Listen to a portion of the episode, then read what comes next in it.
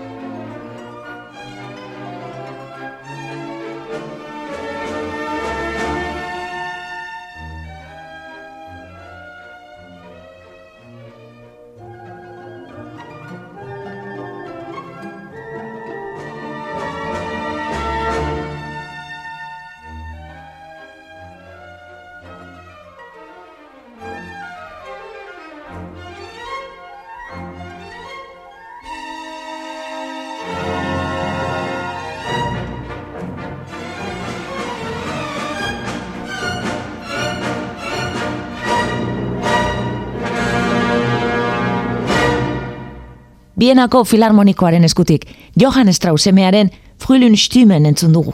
Udaberri doinuak, Billy Boskowski izan dute zuzendari. Eta erdiaroan, Francesco Landini italiarrak bi hotxetarako konposatu zuen, Eko La Primavera izeneko, arribitsi honekin jarraituko dugu.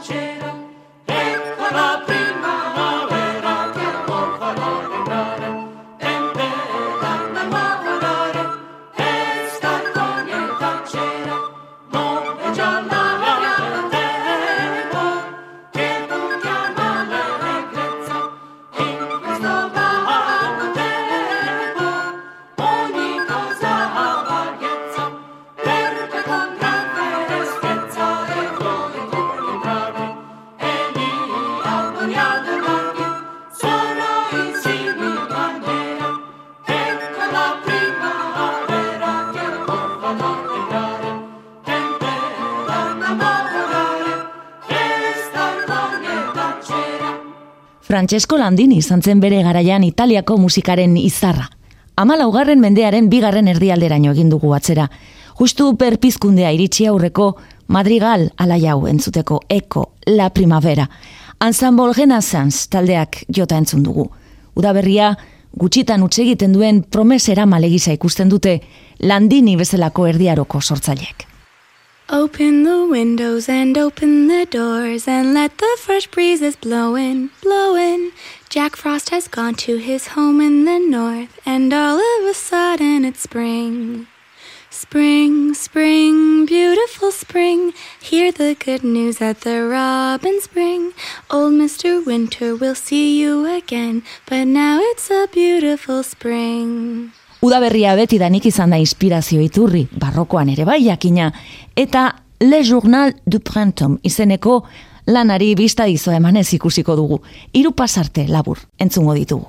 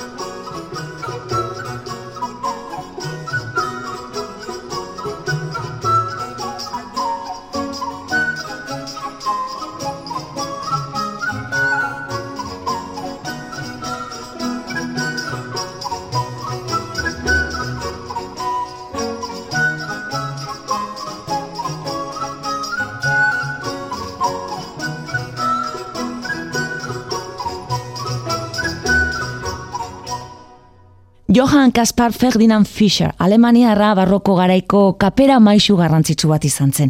Garai hartako musikari batek lor zezaken posturik onena izaten zen. Bajek asko estimatzen zuen eta bere lanean eragin zioten musikarietako badugu Le Journal du Printemps edo Udaberriko egunkaria suitaren egilea.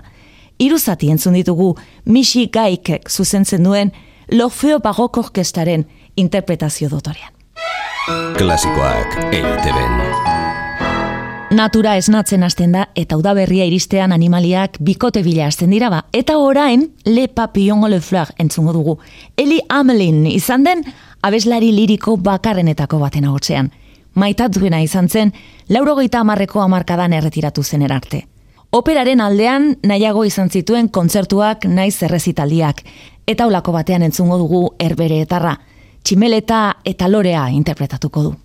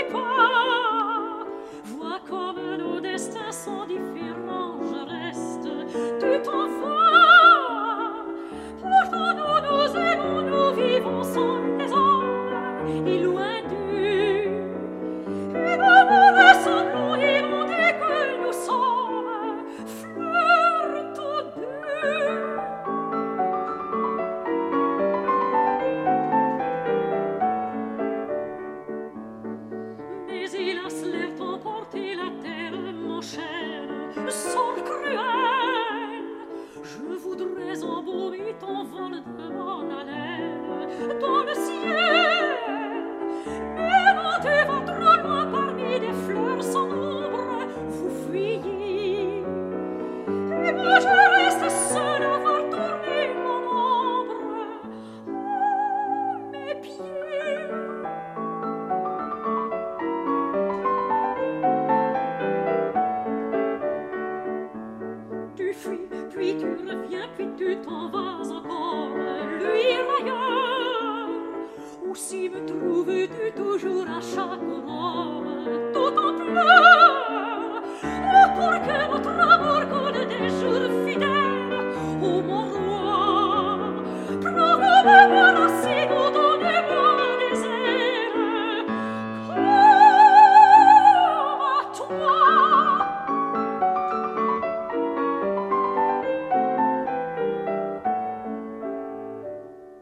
Kanta zoragarri hau Le Papillon o le Fleur, Gabriel Foge frantzesak Victor Hugoren poema batean oinarrituta konposatu zuen. Tximeleta eta lore baten arteko ezinezko maitasuna kontatzen du.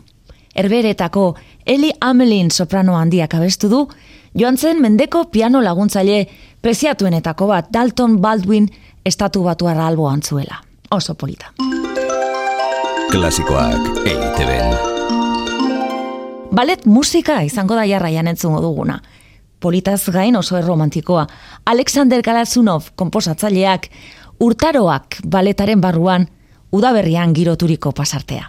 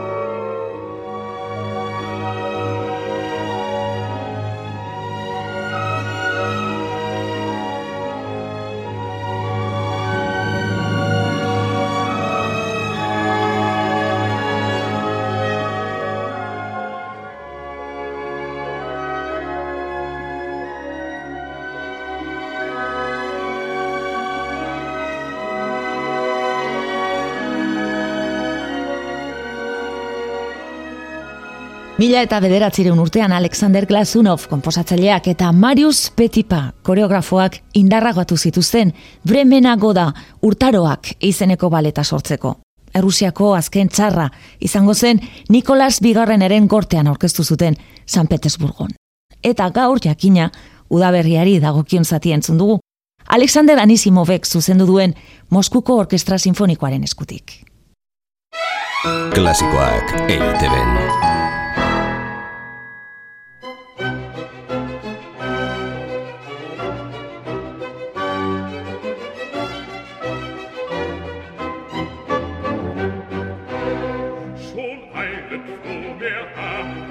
eiteben. Furchen schreitet er dem Floge flötend nach.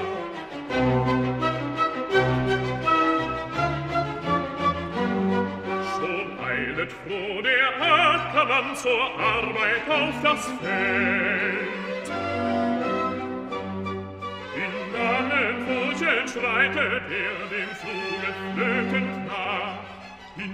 In langen Furchen schreitet er dem Floge flötend nach. schreitet er dem Fluge flötend nach. In langen Furchen schreitet er dem Fluge flötend nach. Flötend nach, flötend, flötend, flötend nach.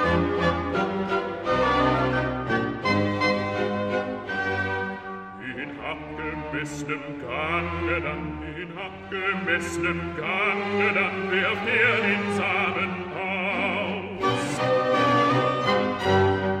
Den birgt der Acker treu, den birgt der Acker treu und reift ihn bald zur goldenen Frucht.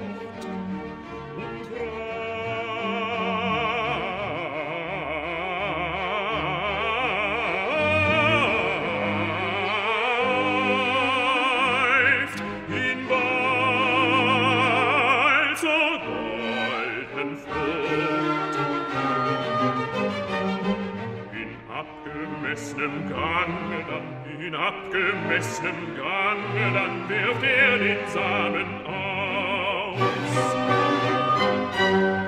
Den wird der Acker treu und reift ihn bald, ihn bald zur goldenen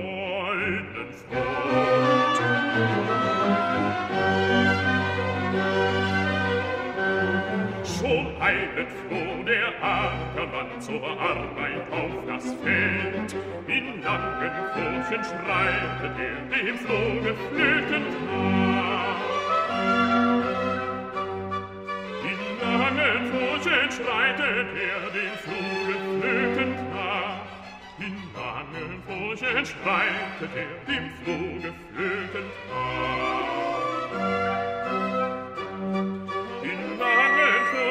schreitet er den nach. In langen Furchen streitet er dem Floge flötend nach. Flötend nach, flötend, flötend, flötend nach. Flötend nach, flötend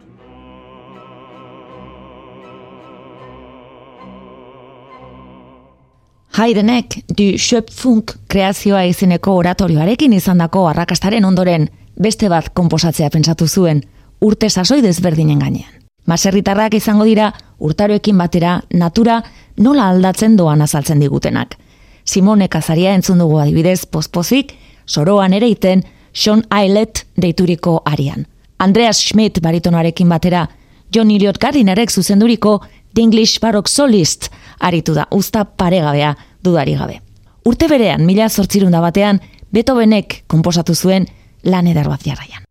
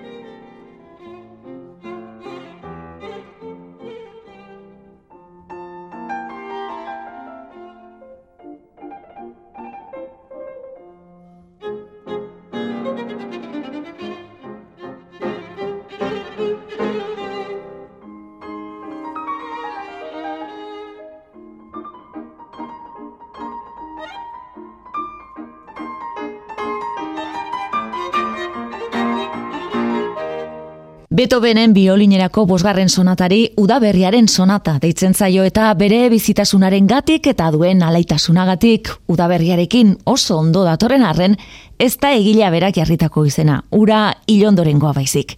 Baina, egun horrela ezagutzen du mundu guztiak. Gidon Kremer biolinistarekin duoan, Marta Argerich pianista argentinarra genuen. Karakter handiko emanaldia, elkarrekin urte asko daramatzan bikote sendonek eskaini diguna. Eta orain zea maiz Euskadiko Orkestrarekin bat eginda. Euskal taldeak eremu sinfonikora eramateko lehen saioetako bat izan zen, 2018an. Fernando Velázquez musikari, zuzenari eta kompositore getxostarrak egindako modlaketa harrigarria entzungo dugu. Negua joan data.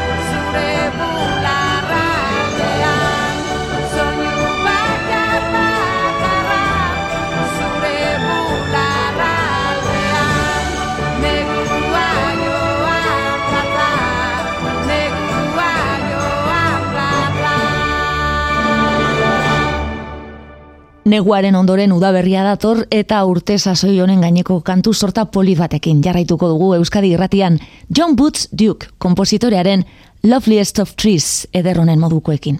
Hemen etzigarren mendeko poeta ingeles baten testua musikatu zuen, non loratu berri den zuaitz baten irudiarekin, bizitzaz eta aliketa zuku gehien ateratzea zari den abeslaria.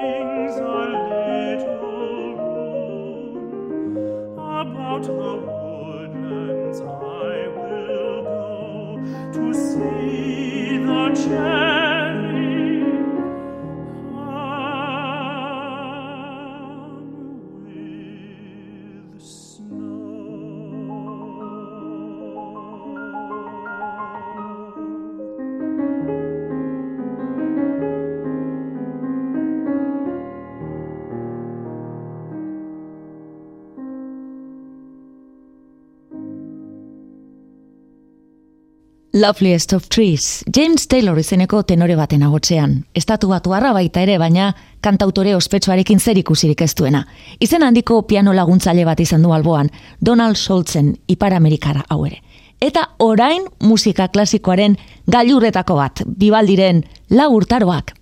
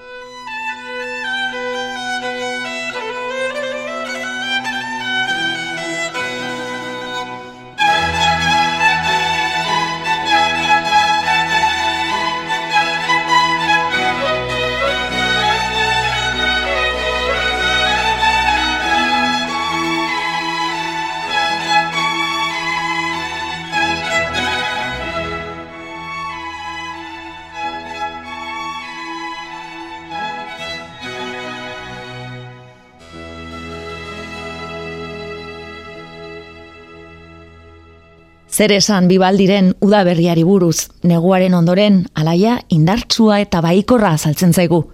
Motibo musikal bakoitzak udaberriaren elementua deskribatzen du, eta entzun berri dugun lehen mugimenduan, txorien kantuak eta erreken hotza entzun genitzake. Hirugarren zatian berriz, dantza herrikoi bat imagina dezakegu. Irureun urte pasadira bibaldi konposatu zuenetik, eta denok entzun dugu inoiz bizitzan. Besterik ez bada, zinean edota iragarkietan. Munduan, gehien jotzen den musikalana da. Eta gaur, Nigel Kennedy violinista egokitu zaigu English Chamber Orkestrarekin batera. Klasikoak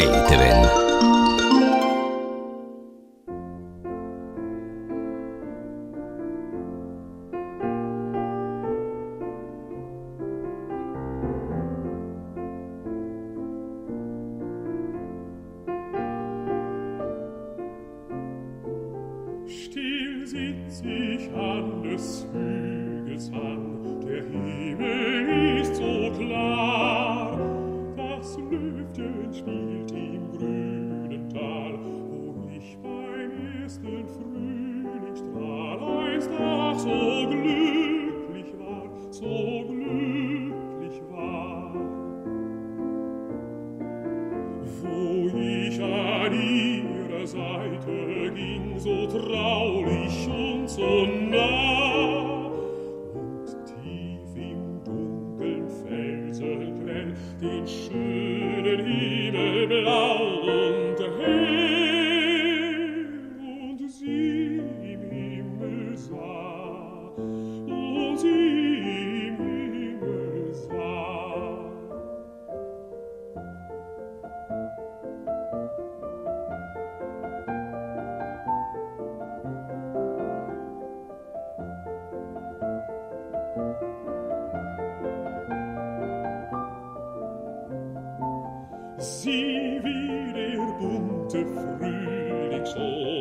Spross und Blüte blickt.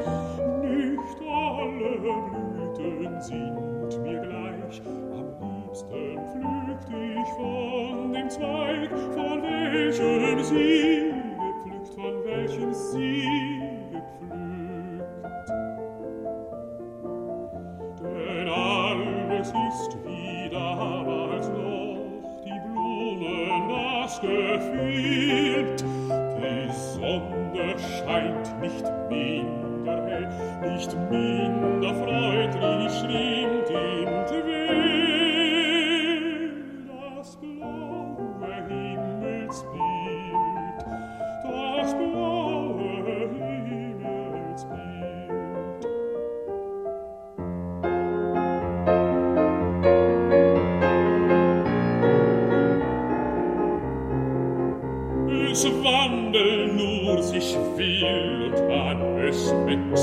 EITB-en.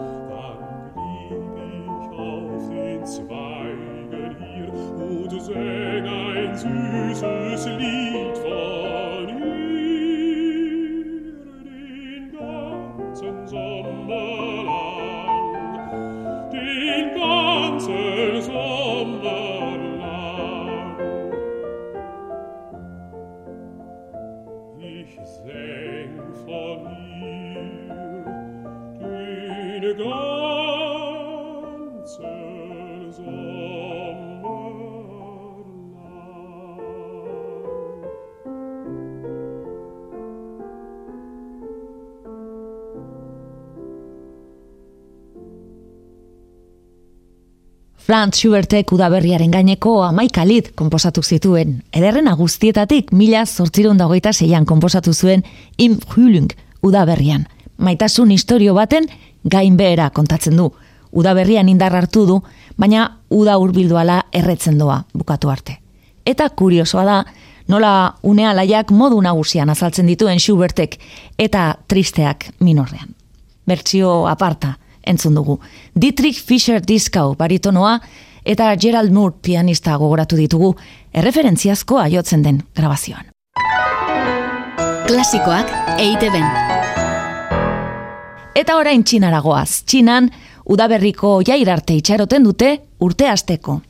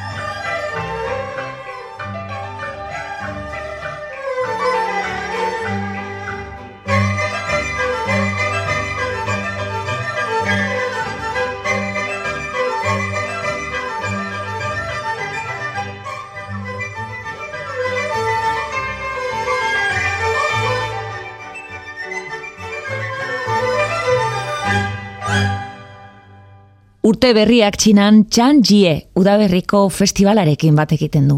Munduko populazioaren zeiren batek ospatzen duen festa izanik planeta osoan egiten den jairik handiena da. Eta Shanghaiko Orkestra Filarmonikoaren eskutik entzun dugun abesti honen modukoekin ospatzen dute. Klasikoak EITB. Songen on Voren, edo Udaberri kanta, Suediako abes batzari kantzinenetakoa kantatua. Entzungo dugu jarraian mila, zortzirun dago goita maikan sortua, Lundeko Unibertsitateko abes batzak oso historioa beratza du, eta Udaberria ospatuz, 2006an kaleratu zuten diskoan, entzungo ditugu.